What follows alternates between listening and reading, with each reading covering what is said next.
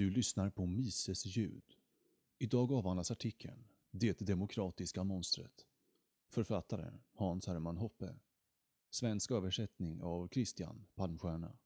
Publicerades på mises.se 28 augusti 2010.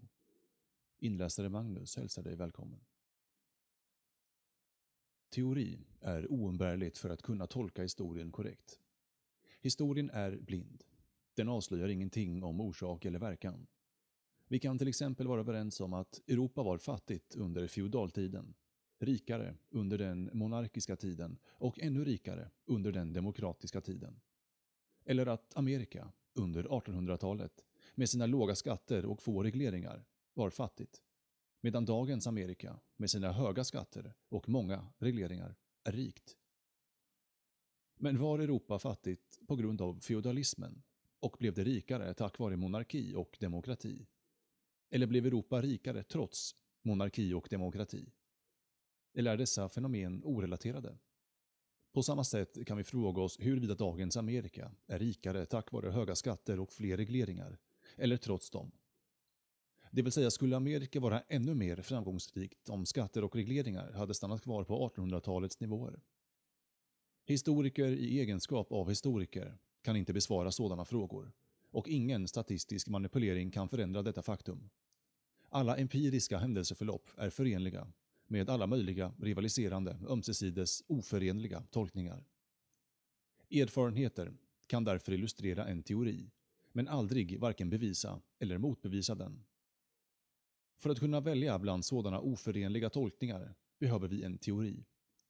Med teori menar jag ett påstående vars giltighet inte är beroende av vidare erfarenheter, utan som kan fastställas a priori. Med detta menas inte att man helt och hållet kan klara sig utan erfarenheter, då man framställer ett teoretiskt påstående. Det är snarare så att även om erfarenheter är nödvändiga, så sträcker sig teoretiska insikter logiskt bortom specifika historiska händelser. Teoretiska påståenden handlar om nödvändiga faktum och relationer och implicit därmed om omöjligheter. Erfarenheter kan därför illustrera en teori, men aldrig varken bevisa eller motbevisa den. Ekonomisk och politisk teori, i synnerhet av den österrikiska traditionen, är en skattkista fylld av sådana påståenden. Till exempel, en större mängd av varor är att föredra framför en mindre mängd av samma varor. Produktion måste föregå konsumtion. Något som konsumeras nu kan inte konsumeras igen i framtiden. Fixering av priser under marknadsvärde leder till långvariga underskott i utbudet. Utan privat ägande av produktionsfaktorerna kan det inte existera några faktorpriser och utan faktorpriser är kostnadskalkylering omöjlig. En ökning i mängden papperspengar kan inte öka ett samhälles rikedom utan enbart omfördela existerande rikedom. Monopol, avsaknaden av fritt inträde, leder till högre priser och lägre produktkvalitet än under konkurrens. Inga ting, eller delar av ting, kan ägas exklusivt av mer än en part åt gången. Demokrati, majoritetsstyre och privat egendom är oförenliga. Teori kan givetvis aldrig ersätta historia, men utan en god förståelse av teori är allvarliga fel i tolkningen av historiska data oundviklig. Till exempel påstår den enastående historikern Carol Quigley att uppfinnandet av Fractional Reserve Banking, ett banksystem där banker tillåts ha mindre tillgångar än skulder, har varit en av de huvudsakliga orsakerna till den exempellösa ökningen i rikedom förknippat med den industriella revolutionen. Otaliga historiker har förknippat den svåra ekonomiska situationen under sovjetisk socialism med avsaknaden av demokrati. Från en historisk ståndpunkt måste sådana tolkningar avfärdas. En ökning i mängden av papperspengar kan inte leda till ett ökat välstånd, utan endast en omfördelning av välståndet. Explosionen av välstånd under den industriella revolutionen skedde trots fractional reserve banking. På samma sätt kan inte den svåra ekonomiska situationen under socialism bero på avsaknaden av demokrati. Det beror istället på avsaknaden av privat ägande av produktionsfaktorerna. Allmänt känd historia är full av sådana feltolkningar. Teori låter oss utesluta vissa historiska beskrivningar som omöjliga och oförenliga med sakers natur. På samma sätt låter det oss upprätthålla vissa andra saker, som historiska möjligheter, även om de ännu inte är beprövade. I sitt användande av ekonomisk och politisk teori är min nya bok Democracy, the God that failed en revisionistisk rekonstruktion av modern västerländsk historia. Den går igenom uppkomsten av enväldiga monarkiska stater, från statslösa feodalsamhällen och transformationen, som började med den franska revolutionen och huvudsakligen fullbordades med slutet av första världskriget. Av västvärlden, från monarkiska till demokratiska stater och USAs stigande till universellt imperie. Neokonservativa författare som Francis Fukuyama har tolkat denna utveckling som civilisationella framsteg och utlyser historiens slut i och med den västerländska socialdemokratin och dess globalisering. Democracy, the God that failed, är mitt försök att påvisa något annat och att definiera och ge uttryck för en alternativ libertariansk syn som tar privat egendom på allvar. Tre stora myter. Min teoretiska tolkning involverar krossandet av tre historiska myter. Den första och mest fundamentala är myten att uppkomsten av stater utifrån en tidigare statslös ordning har medfört ekonomiska och civilisationella framsteg. I själva verket visar teori att alla framsteg måste ha skett trots, inte på grund av, upprättandet av en stat. Konventionellt definieras en stat som en organisation som utövar ett tvingande territoriellt monopol på slutligt beslutsfattande, jurisdiktion och beskattning. Per definition är då en stat alltid, oavsett dess specifika struktur, ekonomiskt och etiskt bristande. Alla monopolister är dåliga från konsumenternas synpunkt. Monopol är härmed förstått som avsaknaden av fritt inträde till en särskild bransch. Endast en organisation A får producera X. Alla monopol är dåliga för konsumenter. Eftersom monopolet är skyddat från potentiella nya aktörer inom dess bransch kommer priset för dess vara att vara högre och kvaliteten lägre än om fritt inträde hade funnits. Och en monopolist med slutlig beslutsfattande makt är särskilt dåligt. Medan andra monopolister producerar undermåliga varor kommer en monopolistisk domare, förutom att producera undermåliga varor, att producera bads, översättarens fotnot. Denna term saknar motsvarighet på svenska. Bads avser motsatsen till goods, alltså varor. Medan en good är något som gör nytta, eller mer nytta än skada, är en bad något som gör mer skada än nytta. Så en monopolistisk domare producerar bads. Eftersom den som är den slutliga domaren i alla konflikter är också den som har sista ordet i varje konflikt som involverar denne. Följaktligen kommer en monopolist med slutligt beslutsfattande att skapa och provocera konflikter till sin egen fördel, istället för att förebygga och lösa dem. Inte nog med att ingen någonsin skulle acceptera en bestämmelse av ett sådant domarmonopol. Ingen skulle någonsin acceptera en bestämmelse som tillät domaren att ensidigt bestämma priset för hans tjänst. Det är förutsägbart att en sådan monopolist skulle förbruka mer och mer resurser, skatter, för att producera färre varor och fler bads. Detta är inte ett recept för skydd, utan för förtryck och exploatering. Resultatet av en stat är alltså inte fredligt samarbete och samhällelig ordning, utan konflikt, provokation, aggression, förtryck och utarmande, det vill säga de-civilisation. Detta, över allt annat, är vad staters historia illustrerar. Det är först och främst en historia av otaliga miljoner oskyldiga offer för staten. Den andra myten avser den historiska övergången från enväldiga monarkier till demokratiska stater. Inte bara neokonservativa tolkar denna utveckling som framsteg. Det finns en nästintill universell konsensus att demokrati är ett framsteg jämfört med monarki och är orsaken till ekonomisk och moralisk utveckling. Denna tolkning är egendomlig mot bakgrund av det faktum att demokrati under 1900-talet har varit urkällan till varje form av socialism. Till europeisk socialdemokrati och amerikansk liberalism och neokonservatism såväl som internationell sovjetisk socialism, italiensk fascism och nationalistisk nazistisk socialism. Ännu viktigare dock är att teori motsäger denna tolkning. Medan både monarkier och demokratier är bristfälliga som stater är demokrati sämre än monarki på att hålla statens storlek och räckvidd i schack. Teoretiskt sett innebär övergången från monarki till demokrati varken mer eller mindre än att en nedärvd ägare av ett monopol, prinsen eller kungen, ersätts av temporära och utbytbara förvaltare av monopolet, presidenter, premiärministrar och parlamentariker.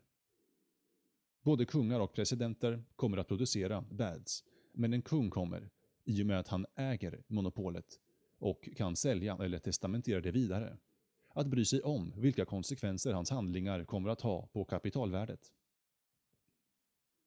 Som ägare av kapitalstocken på sitt territorium kommer kungen att vara relativt framtidsorienterad. För att bevara eller öka värdet på sin egendom kommer han endast att exploatera måttligt och beräknande. Till skillnad från en temporär och utbytbar demokratisk förvaltare, som inte äger sitt land, men så länge han är i tjänst tillåts att använda det till sin fördel. Han äger dess nuvarande bruk, men inte dess kapitalstock. Detta eliminerar inte exploatering. Istället gör det exploatering kortsiktig och oberäknad, det vill säga utförd utan hänsyn till kapitalstockens värde. Det är inte heller en fördel att det i demokrati existerar fritt inträde till alla statliga positioner, medan under monarki är inträde begränsat av kungens diskretion. Tvärtom är det endast i produktionen av varor som konkurrens är bra. Konkurrens i produktionen av bads är inte bra. Det är faktiskt ren ondska.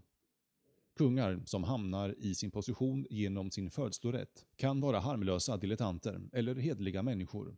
Och om de är galningar blir de snabbt inspärrade eller om så nödvändigt dödade av sina nära släktingar som är oroade över dynastins egendomar. I skarp kontrast gör valet av statsmän via majoritetsval det praktiskt taget omöjligt för en harmlös eller hedlig person att någonsin stiga till toppen. Presidenter och premiärministrar kommer till sin position som ett resultat av deras effektivitet som moraliskt hämningslösa demagoger. Därmed så gott som garanterar demokrati att endast farliga människor kommer att stiga till toppen av regeringen. Demokrati bidrar i synnerhet till en ökning av tidspreferensen i samhället, eller infantiliseringen av samhället. Det resulterar i kontinuerligt ökande utgifter och skatter, papperspengar och inflation av papperspengar, en ändlös flod av lagstiftningar och en stadigt växande offentlig skuld, eller statsskuld. Av samma anledning leder demokrati till mindre sparande, ökande juridisk ovisshet, moralisk förvirring, laglöshet och brott. Vidare är demokrati ett verktyg för omfördelning av rikedom och konfiskering och omfördelning av inkomst.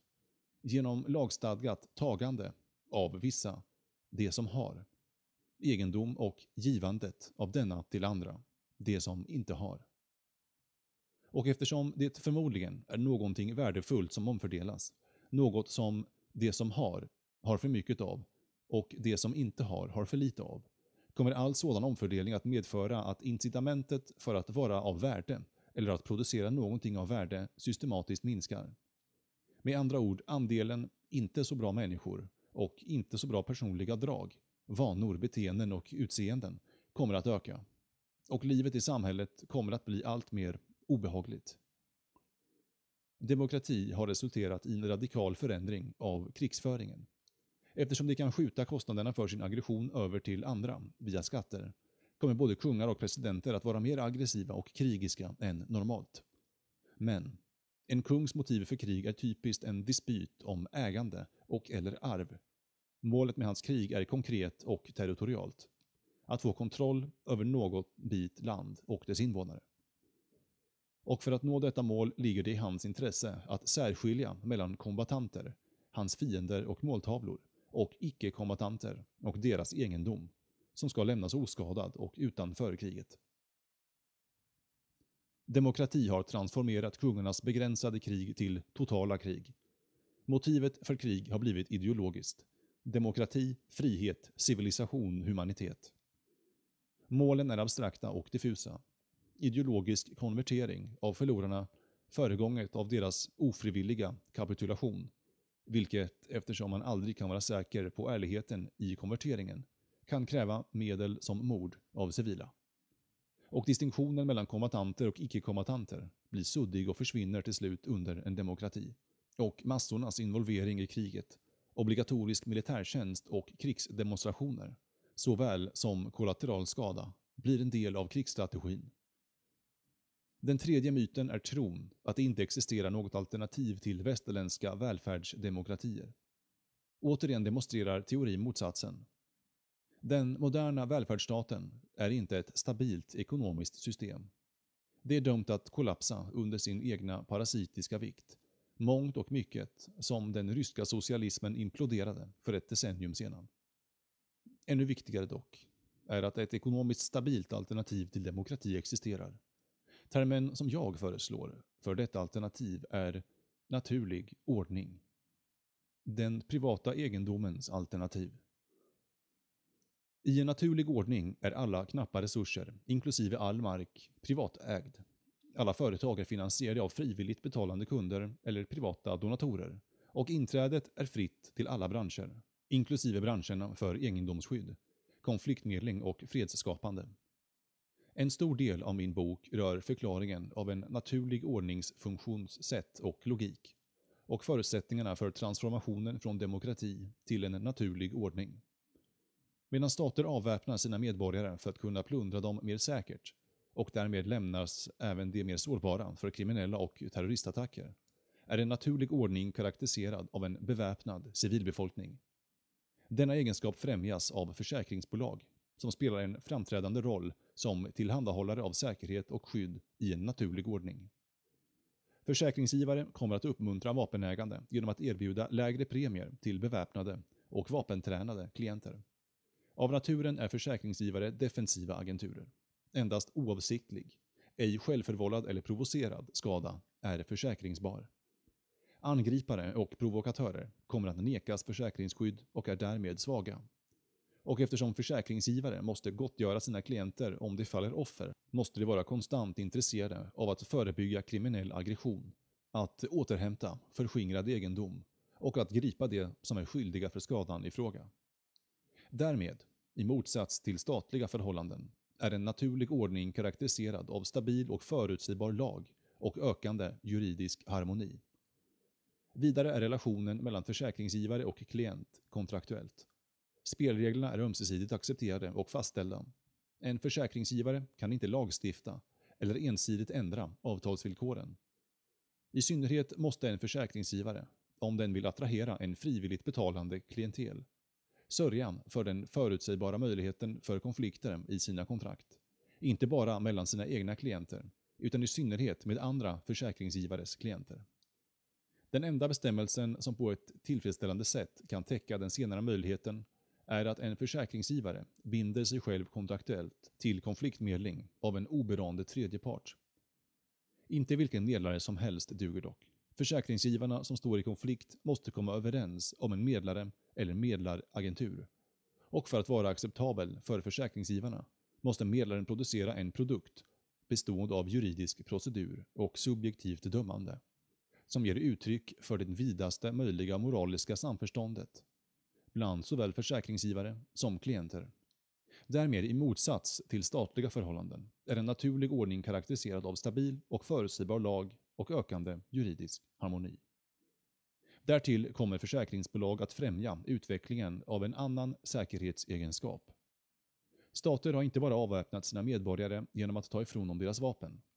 Demokratiska stater i synnerhet har gjort så genom att ta ifrån dem rätten till uteslutning och istället främja, genom antidiskrimineringspolitik, kvotering och multikulturalistpolitik, påtvingad integration. I en naturlig ordning återlämnas rätten till uteslutning, som är inneboende i själva idén av privat egendom, till privata egendomsägare. Dessutom, medan stater har underminerat mellanliggande samhälleliga institutioner, familjehushåll, kyrkor, pakter, samhällen och klubbar och de associerade rangerna och lagren av auktoritet för att öka sin egen makt gentemot jämlika och isolerade individer är en naturlig ordning påtagligt icke-egalitarisk. En strategi för frihet. Slutligen diskuterar min bok strategiska frågor. Hur kan en naturlig ordning träda fram ur demokrati? Jag förklarar betydelsen av idéer, intellektuella eliter och allmän opinion för legalisering och avlegitimisering av statlig makt. I synnerhet diskuterar jag radikal decentralisering och snabb förökning av oberoende politiska entiteter som ett viktigt steg mot målet av en naturlig ordning baserad på privat egendom. Och jag förklarar hur man bör privatisera socialiserad och allmän egendom.